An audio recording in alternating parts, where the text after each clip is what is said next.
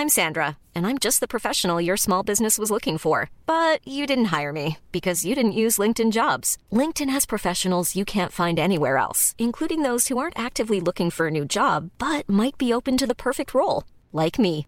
In a given month, over 70% of LinkedIn users don't visit other leading job sites. So if you're not looking on LinkedIn, you'll miss out on great candidates like Sandra. Start hiring professionals like a professional. Post your free job on linkedin.com/people today. Ready to pop the question? The jewelers at BlueNile.com have got sparkle down to a science with beautiful lab-grown diamonds worthy of your most brilliant moments. Their lab-grown diamonds are independently graded and guaranteed identical to natural diamonds, and they're ready to ship to your door. Go to BlueNile.com and use promo code LISTEN to get $50 off your purchase of $500 or more. That's code LISTEN at BlueNile.com for $50 off. BlueNile.com code LISTEN.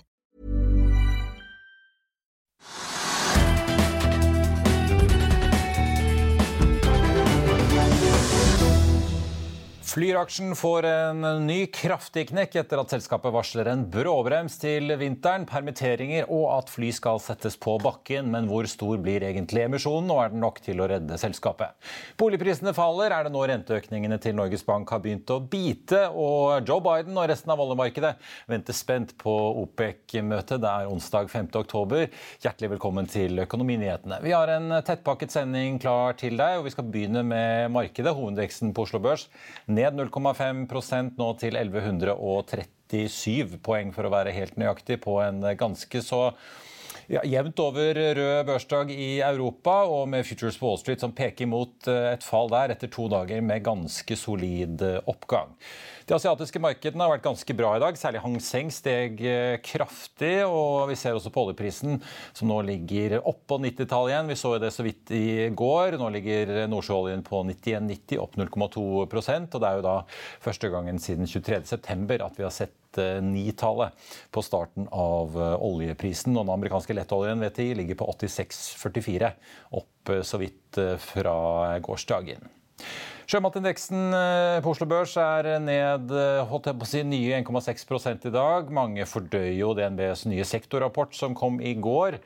Norway Royal Salmon meldte i dag at de trekker sitt kjøp av fisketillatelser fra norske myndigheter. og De er bare det siste selskapet i rekken av aktører som gjør dette. Og Det meldes jo nå at norske myndigheter har begynt å ta ned minsteprisene for disse tillatelsene.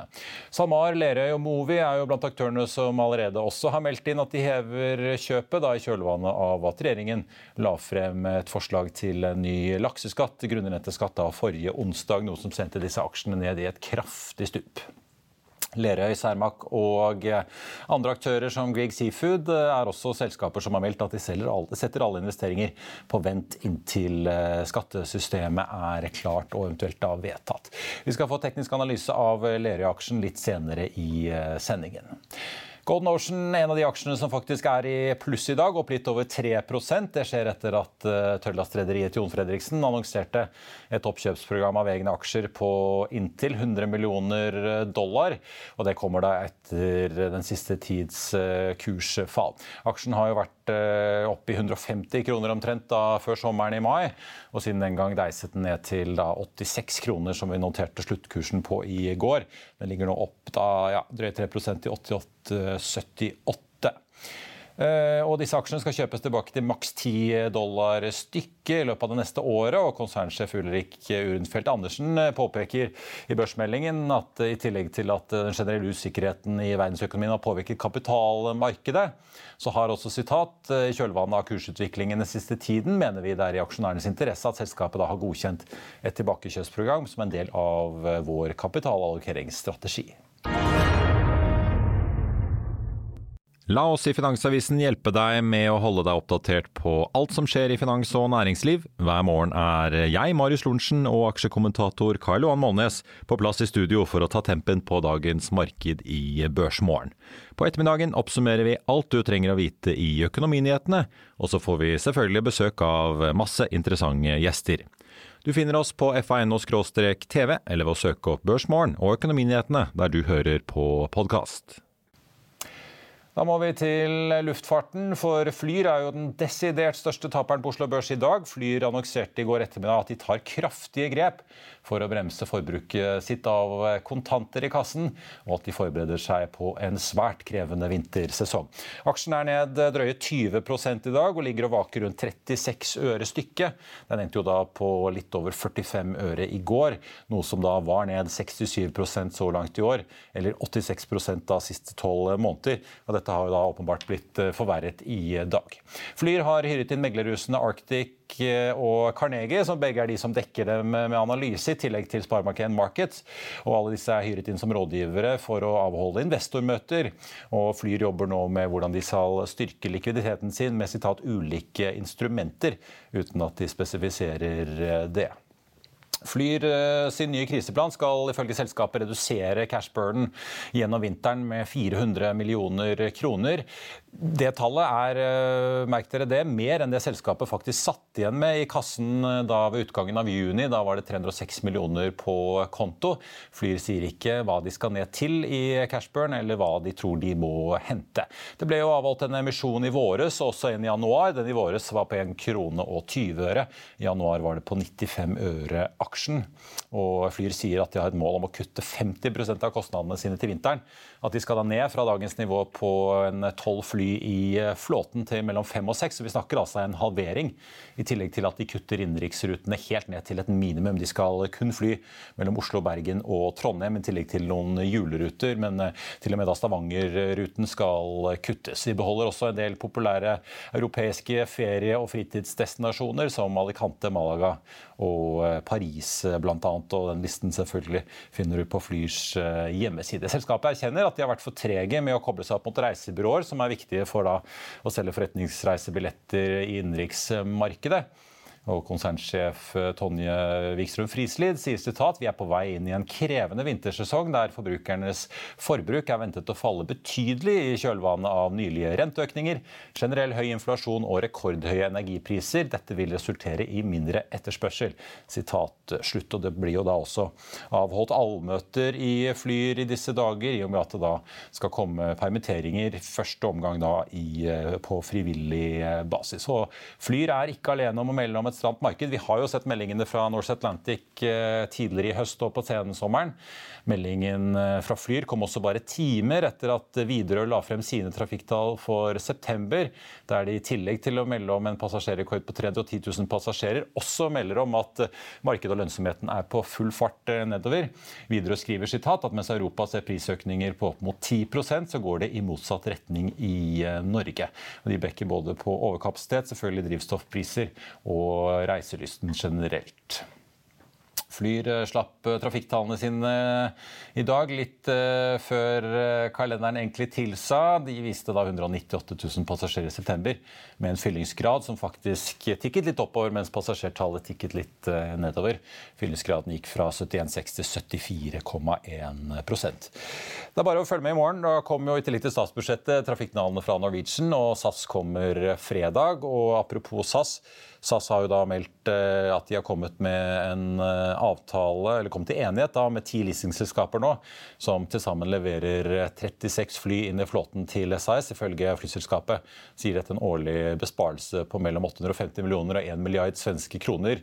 Eh, og dette er jo da et ledd av den store restruktureringen SAS holder på med i den amerikanske chapter 11-prosessen. Og SAS-aksjen tikker litt oppover i dag, snaue 4 nå skal vi over til dagens aksjetips, der eh, Sindre Nikolai Aker har mer om hva det med markets tenker etter Flyrs alarmvarsel, og også hva ABG tenker om eh, kursraketten Stolt-Nielsen.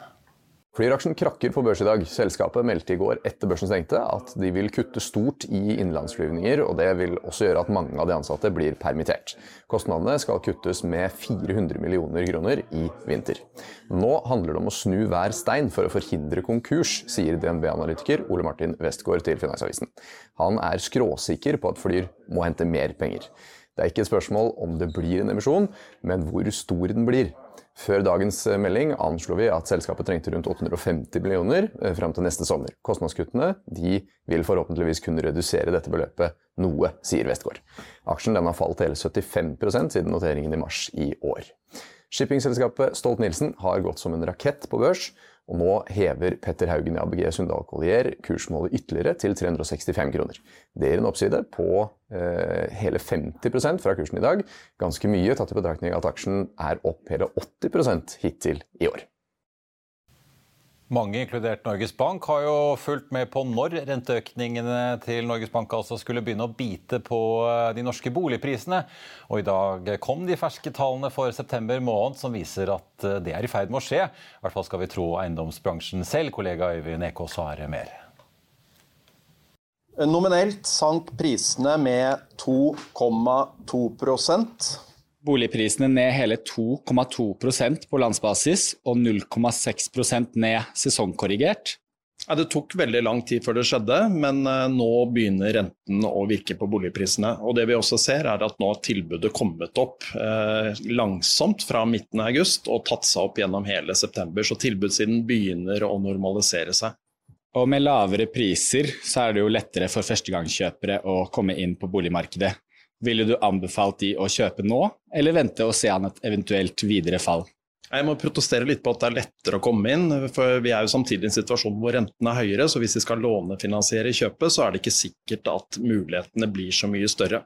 Men eh, skal jeg komme med et råd, så er det å kjøpe en bolig man har lyst på og har råd til når man trenger den. Og så snakker dere om en videre nedgang i boligprisene på landsbasis fremover.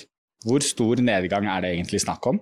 Vanligvis så pleier boligprisene å gå ned ca. en halv prosent i de gjenværende månedene av året, og i år så tror vi det kan bli noe sterkere, fordi vi får renteøkninger som slår inn etter hvert.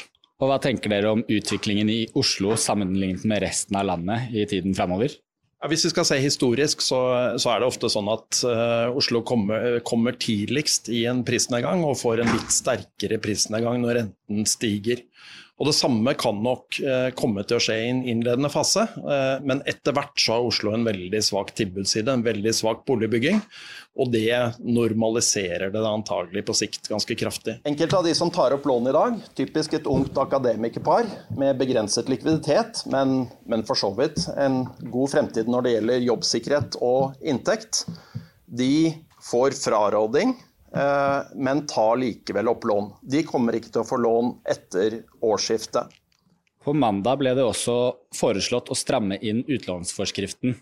Dere mener den bør avvikles. Hvorfor det?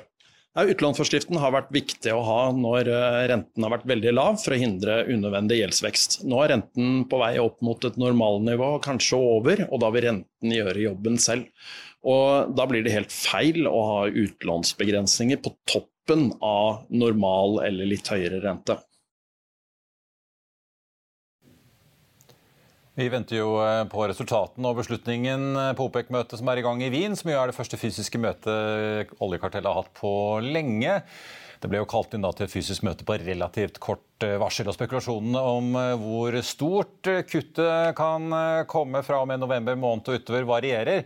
Fra en 500 000 fat dagen helt opp til et storkutt på 2 millioner fat dagen. Fasiten er ikke helt på bordet ennå, men er like rundt hjørnet. På det forrige møtet, på septembermøtet, altså, så kuttet jo produksjonen med litt symbolske 100 000 fat dagen fra og med oktober. Og Det er jo storpolitikk i hva OPEC bestemmer seg for, og ikke minst uro i Washington over hva som kan skje med den amerikanske pumpeprisen hvis OPEC kutter, nå som valget i USA i november nærmer seg med stormskritt. Og Som CNN meldte i går kveld, så har Det hvite hus satt i gang en stor lobbykampanje nå i siste sekund for å overtale OPEC-landene til ikke å ta for hardt i på kuttene sine. Bloomberg har mer om bakteppet som ligger i dette OPEC-møtet. OPEC Plus um, gathering in Vienna, the first in person meeting in two and a half years. Why such a hurried gathering? Well, we've gone from five minute rubber stamping online Zoom meetings to something much more significant. Take your mind back, August 22nd, His Royal Highness Prince Abdulaziz bin Salman told the world, told the market, you've got it wrong. There's a disconnect. It's broken between what's going on in the futures market and the reality of what we can produce. It's broken. It's splintered. Oil prices fell. This is going, as Bob McNally said to me, from a broadside, uh, sorry, from a warning shot to a broadside. We're setting the table here for a monster cut of 2 million barrels a day. Now, how much impact will that really have?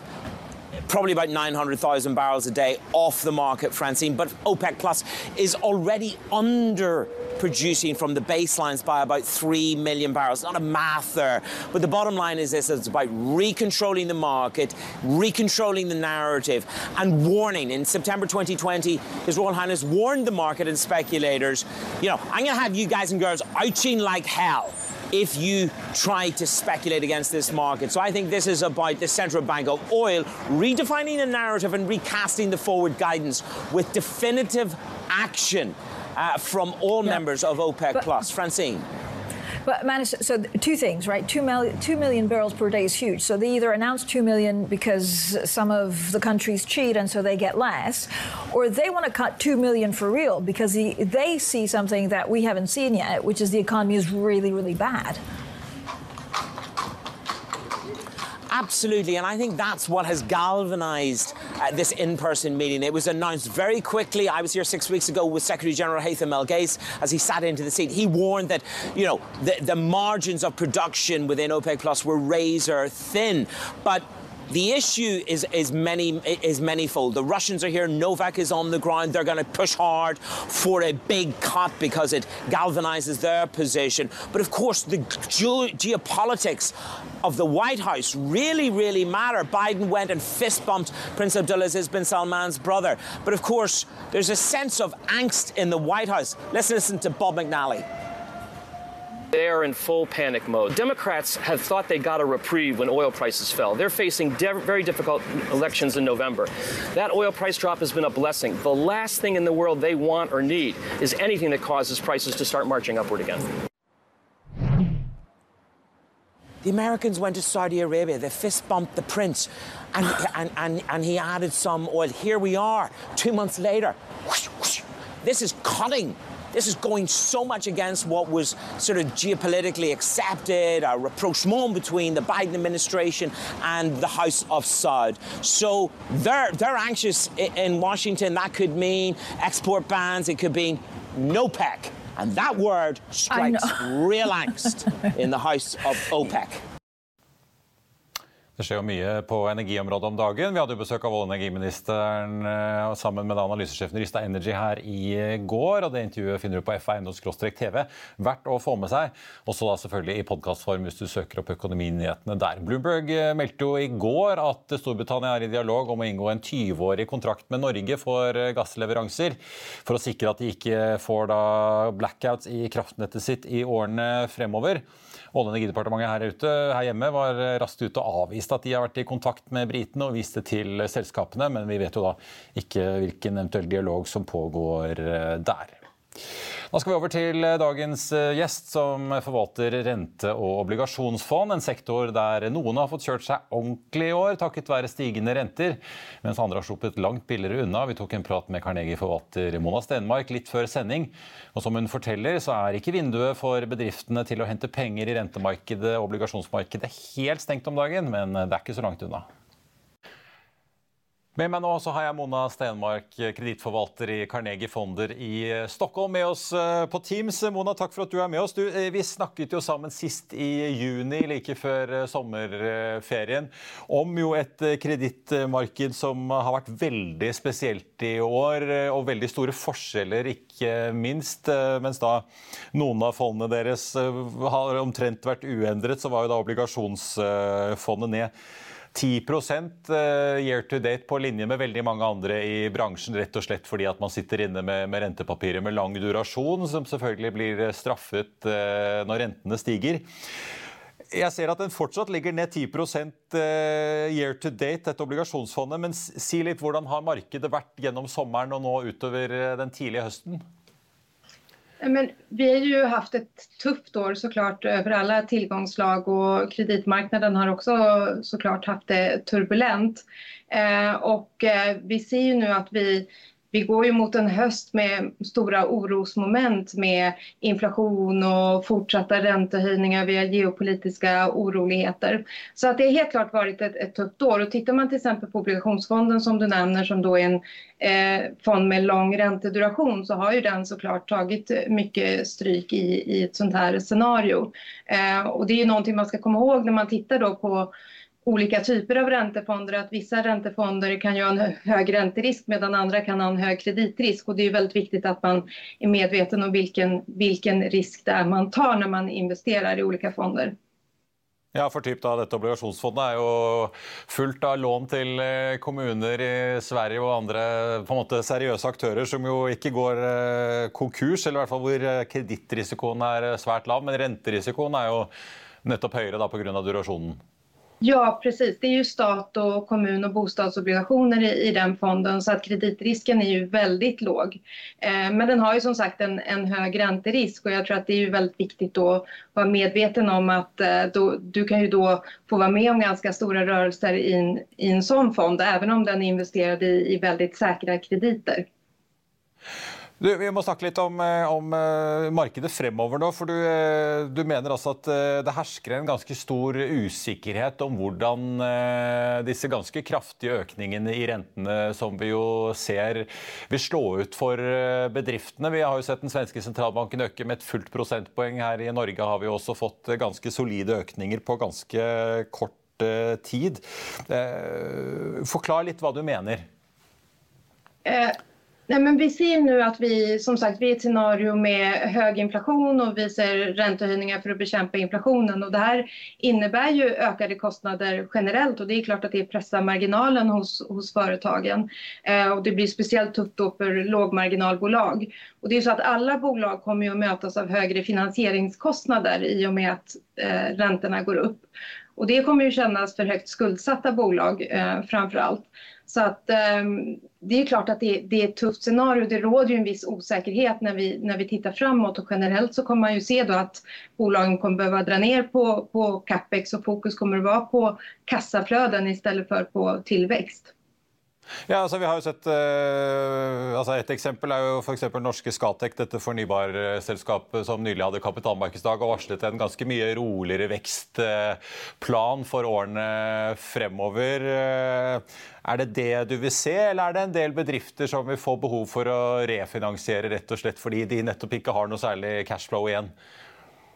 Ja, men det är ju väldigt olika beroende på, på vad man tittar på, på för bolag. Eh, men det är ju klart att vissa bolag befinner sig i en mer komfortabel situation och kanske har mer frihet att, eh, att fortsätta med investeringar och så vidare. Eh, men det, det, är ju svårt att, att gå in på enskilda bolag men man kan ju ändå generalisera lite grann att Tittar man till exempel så har ju till exempel fastighetssektorn det väldigt tufft. De har haft en väldigt gynnsam miljö eh, med väldigt låg ränta och nu har vi ganska många parametrar som eh, går åt fel håll. Eh, så att det, det, är ju en sektor som, som självklart kommer att få det tufft och som behöver kanske börja tänka lite annorlunda. Och även konsumtionsbolagen eh, kommer ju kunna få det, få det kämpigt framöver.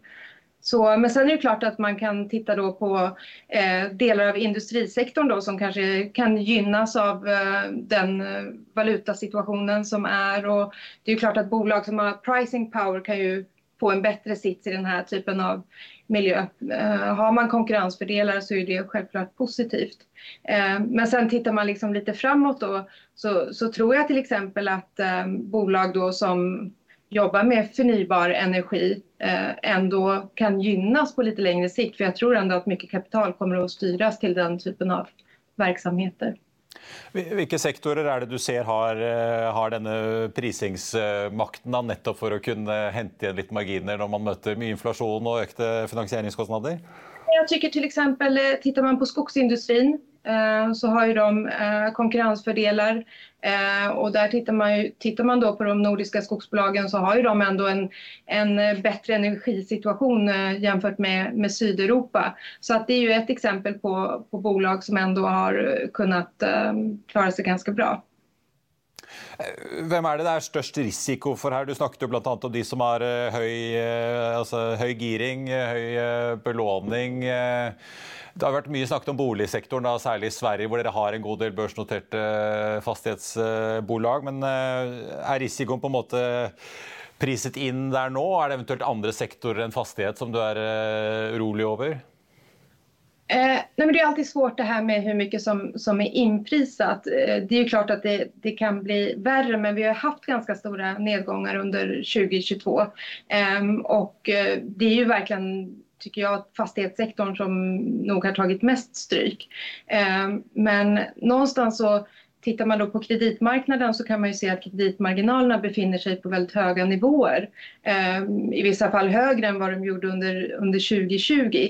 Så det är klart att man kan känna att en hel del är inprisat. Men sen är det ju lite frågan, eh, får vi en mild recession eller kommer det bli värre, blir det en djup recession? Ja, då kanske det finns allting inte är inprisat. Men jag skulle nog säga kanske att eh, fastighetssektorn eh, har det tufft och jag tror även eh, inom konsumtion, det är klart nu med inflation och ökade räntekostnader, det blir svårare för konsumenten, det blir mindre kvar i, plånboken helt enkelt. Eh, vi må litt på, snakke litt om selskapenes evne til å få inn uh, penger også. I hvert fall i, i aksjemarkedet. På, på børsnoteringer på, på IPO-siden så har vi jo sett Porsche komme seg på børs. og Her i Norge så har vi hatt olje, oljebolaget Vår Energi som har børsnotert seg i år. Men det snakkes jo veldig mye om at vinduet er egentlig stengt for veldig mange når det er snakk om uh, nynoteringer. Hvordan har markedet for både på en måte primær- og sekundærtransaksjoner sett ut i obligasjonsmarkedet? Er det mulighet for bedrifter å hente penger nå, eller er investorene veldig forsiktige, inkludert dere selv, med å, å komme inn med ny kapital? Eh, ja, men der har vi jo definitivt sett at noe har hendt. Eh, sommeren så fanns det eh, ett uppdämt behov och vi såg också en del aktivitet i primärmarknaden här efter sommaren och i början av september. Men allt eftersom så har vi sett att det där har stannat av. Så just nu ser vi en väldigt liten aktivitet i primärmarknaden. Och jag tror också att det finns liksom en, en stor osäkerhet såklart kring, kring finansiering. Men det är ju klart att Eh, fönstret är ju inte helt stängt och det är klart att eh, det, det fortfarande kan finnas intresse hos oss som investerare. Vi, vi ser ju stora möjligheter att kunna investera i, i kvalitetsbolag. Men eh, som sagt, det har ju helt klart stannat av eh, i primärmarknaden och det är ju mot bakgrund att vi ändå lever i den eh, ekonomiska miljö som vi gör just nu. Vi har jo sett eh, veldig mange bolag både i Norge Norden og også internasjonalt som har kommet med, med resultatvarsel, altså vinstvarninger eh, den siste tiden. Ford, Fedex. Vi har sett eh, energiregningen til eh, mobilselskapet Telenor her i Norge har jo økt eh, kraftig, så de måtte kutte i sitt EBTA-mål. Forventer du mange flere resultatvarsler eh, fra nordiske bolag nå utover høsten, eller? Ja, men det, det tror jeg nå ändå at man kan förvänta sig.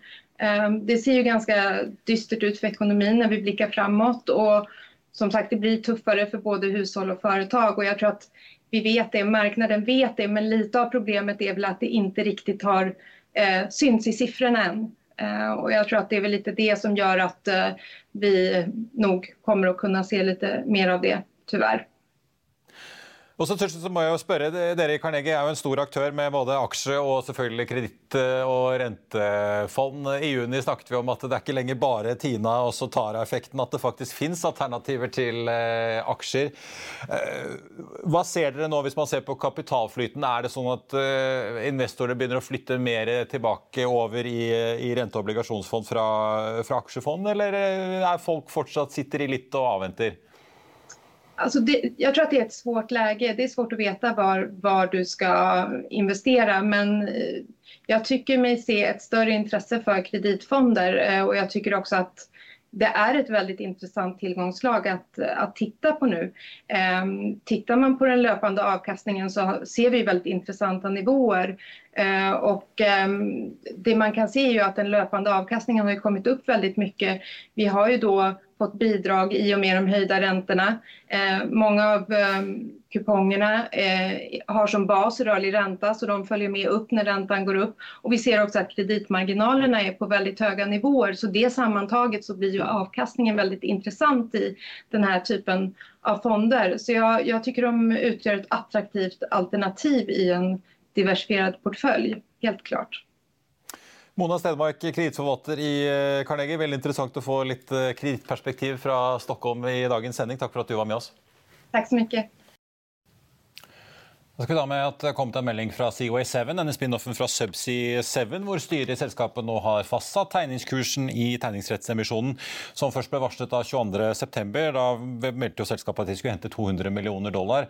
Det skal de fortsatt. Det er nå satt av med en kurs sånn at det tilsvarer 2,1 milliarder kroner. Kursen for disse aksjene er satt til 4 kroner og 83 øre. Nå er det sånn at Eksisterende aksjonærer per 10.10 de vil få utdelt en tegningsrett per aksje de sitter på. Og denne Kursen er ifølge styret i selskapet tilsvarende da en rabatt på 27,6 målt mot den volumvektede prisen over de siste 30 eh, dagene. Aksjen den eh, var eh, handlet til 8,5 kroner før nyheten og denne meldingen kom. Det ligger nå ned 10,76% til 7,8 kroner. Vi skal tilbake til luftfarten, for nå som flyr Norse Atlantic Widerøe og flere flyselskaper har meldt om at de forventer en krevende vinter med dyrt drivstoff og laber etterspørsel, så tenkte jeg vi skulle ta en tur til Amsterdam. Der arrangeres nemlig konferansen World Aviation Festival, og Bloomberg har, eh, ti, har møtt den tidligere toppsjefen i British Airways-eier IAG, som nå er sjef i den globale bransjeforeningen IATA. Willy Walsh har liten tro på noen særlig vekst i europeisk luftfart fremover. Bare se her. Willie, uh, you are you are normally optimistic. I get the sense that you're kind of super optimistic at the moment. Why? I, I wouldn't say super optimistic. I, I, think there are enough pessimists out there. We need a bit right, of balance. So the counterweight to that. Yeah, yeah, and, and you know, to be honest, I, I can't see genuine reasons to be optimistic. You know, we, we still are in a recovery stage. Uh, it is a strong recovery, stronger than most people had expected. But there's still a long way to go, particularly on international travel, before we get back to where we are in 2019. And a lot of the trends we're seeing are you know, very positive and give me reason to be optimistic. Europe is still hugely capacity constrained. We're just hearing from Marion Mittel there, the CEO of KLM. She's dealing with Schiphol still capacity constrained, and it now looks like the government's going to impose further restrictions as well. Other airports are suffering similar challenges, be it staffing. There are there are a multitude of factors that are coming through together.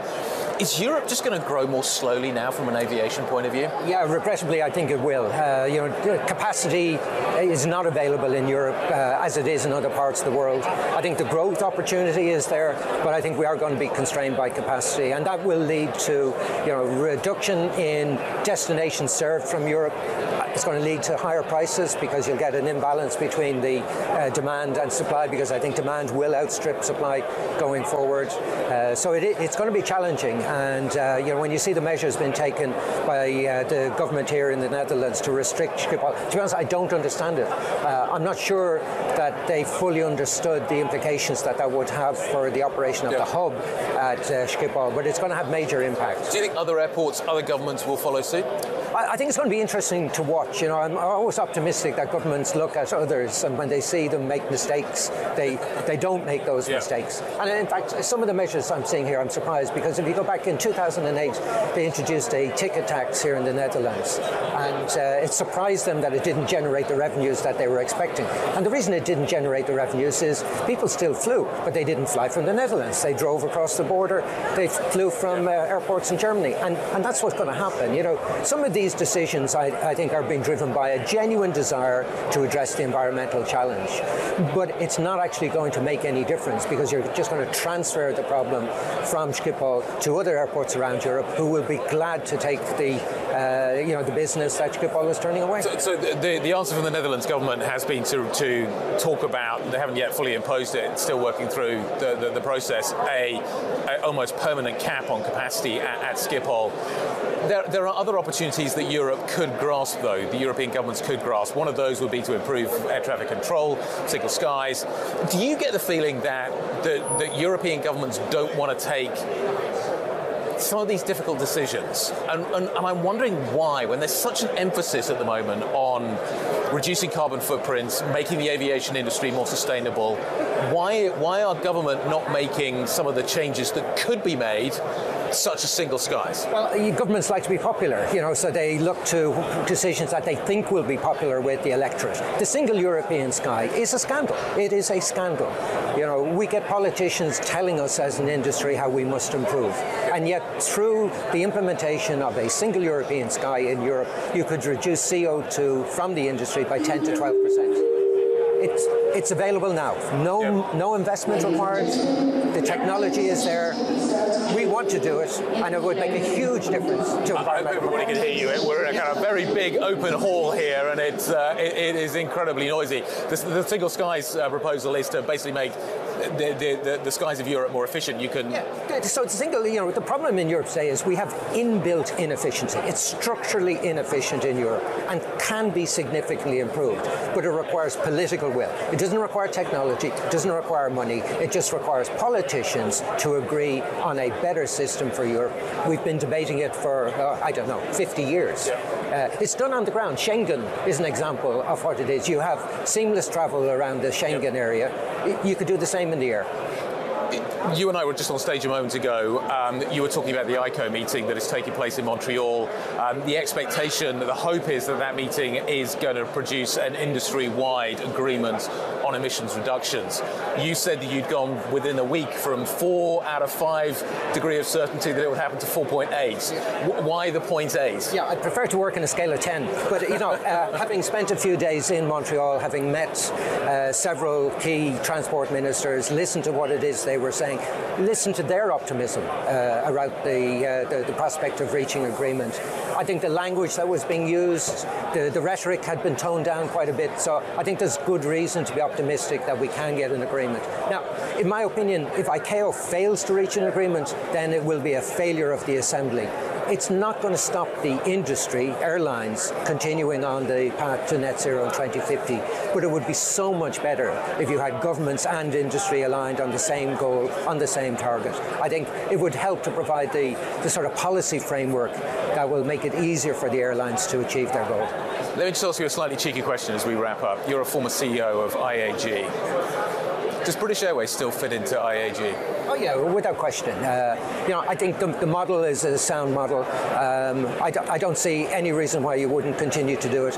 Now we structured it in a way where it could be broken up if necessary, because you know that was, from my point of view, certainly the best way to impose good financial discipline on all the uh, the, the, parts of the uh, of the group. But no, it's uh, I think it's definitely right to have it in in IAG. Vi venter eh, fortsatt på nyhetene fra OPEC-møtet. Vi ser at eh, nordsjøoljen begynner å krype litt oppover nå i forkant. Kanskje at vi får eh, noen nyheter opp nesten prosenten nå til 92 dollar og 30 cent. Da skal vi ta med at Reuters nå melder at uh, ifølge kilder de da siterer, som ikke er navngitt, så skal det være snakk om et uh, kutt på OPEC-møtet på to millioner fat uh, dagen. Det er jo da i øvre sjiktet av hva som var forventet og diskutert i forkant. Vi ser Nordsjøoljen har svingt litt opp, ligger litt ned, men fortsatt opp prosenten nå til 92,60. Så skal vi selvfølgelig følge med på hva som kommer formelt ut av OPEC-møtet når den endelige bekreftelsen kommer, forhåpentligvis da om ikke altfor lenge. Tenkte også Vi må ta med ADP-tallene fra USA. for altså Sysselsettingsveksten i privat sektor de viste en oppgang på 208 000 mot da ventet 200 000. I tillegg ble også augusttallene ganske kraftig oppjustert fra 132 til 185 000. Eh, disse jobbtallene fra ADP kom jo da to dager før de offisielle sysselsettingstallene for USA kommer fra Bureau of Labor Statistics på eh, fredag 14.30. Det har ventet en jobbvekst på 275 000. Ellers får vi ta med altså Seaway 7 Norwegian, eh, som har satt av kursen på emisjonen eh, sin. Den aksjen eh, var litt ned, har hentet seg litt inn igjen. Ligger nå ned 5,7% til 8,24. Var jo da ned 10% Emisjonskursen som da skal skaffe 2,1 milliarder kroner til spin-offen fra Subsea 7, er satt til 4 kroner og 83 med denne tegningsretten, hvor da eksisterende aksjonærer får utdelt en aksje per aksje de eier. Per 10.10 får vi si. Så hvis du ønsker å få den tegningsretten, så gjelder det å sitte med aksjen i VPS innen den datoen. Ellers verdt å få med seg Flyr-aksjen, som er ned 21,5% nå til 35,8 øre, da, etter nyheten om at eh, det kommer en form for kapitaltransaksjon og også kraftige innstramminger i kostnader og bemanning nå gjennom vinteren, i påvente av et eh, veldig eh, krevende marked fremover. Norwegian ligger ned 2 i dag og er dermed ned 36% så langt i år. Flyr ned nå med det nyeste fallet 74% da bare siden nyttår.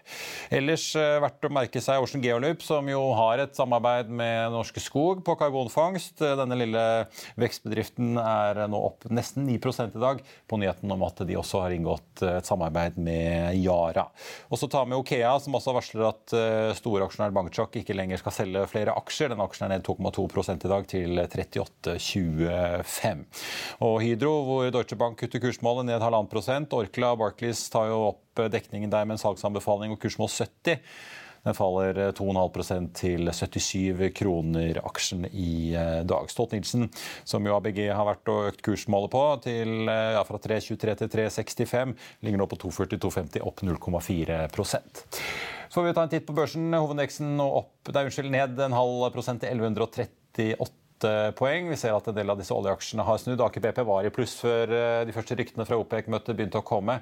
Nå har også Equinor bikket over i eh, pluss, eh, i hvert fall forsiktig 0,2% Ellers så ser vi også på mest omsatt-listen at oppdrettsselskapene SalMar og Movi sliter. SalMar ned 4,7 Movi da ned 1,8. SalMar ble jo tatt ned til hold av DNB Markets i går.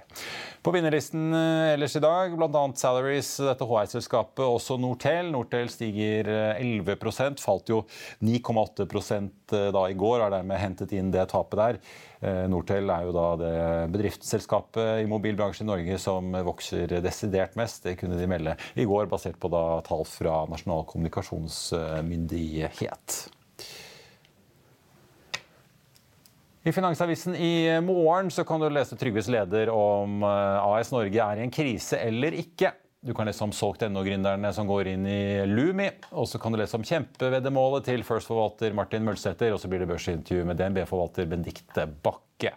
Og Det var det vi hadde for deg i dag. og Nå er det bare å glede seg til i morgen, for da er det den store statsbudsjettdagen. Vi har planlagt en fyldig dekning når vi nå venter flere endringer på skattefronten enn bare på laks og kraft. I Børsmorgen kaster vi oss over de første nøkkeltallene i budsjettet med Håndsbankens Sara Midtgaard. Og vi får også besøk av DNBs oljeanalytiker Helge André Martinsen, som skal gi oss sin analyse av beslutningene på OPEC-møtet. Deretter kommer Trygve Hegnar og Danske Banks skattesjef Per Ole Heggedal til Økonominyhetene, sammen med sjeføkonom Harald Magnus Andreassen i Sparebanken Market Markets for å gi deg en full gjennomgang av selvfølgelig skatteendringer og de andre store linjene som det er verdt å få med seg i budsjettet fra Trygve Slagsvold Vedum, som jo altså er regjeringens første ordentlige budsjett, får vi si, etter at, de to, etter at de tok over i fjor høst. Før den tid så får du siste nytt på FA1 og utover kvelden, inkludert av nyhetene fra OPEC-møtet. Mitt navn er Marius Lorentzen. Tusen takk for følget i dag, og så håper jeg vi ses igjen i morgen.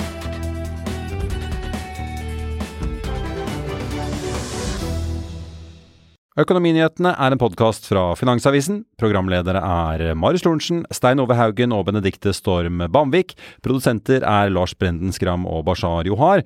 Og ansvarlig redaktør er Trygve Hegnar.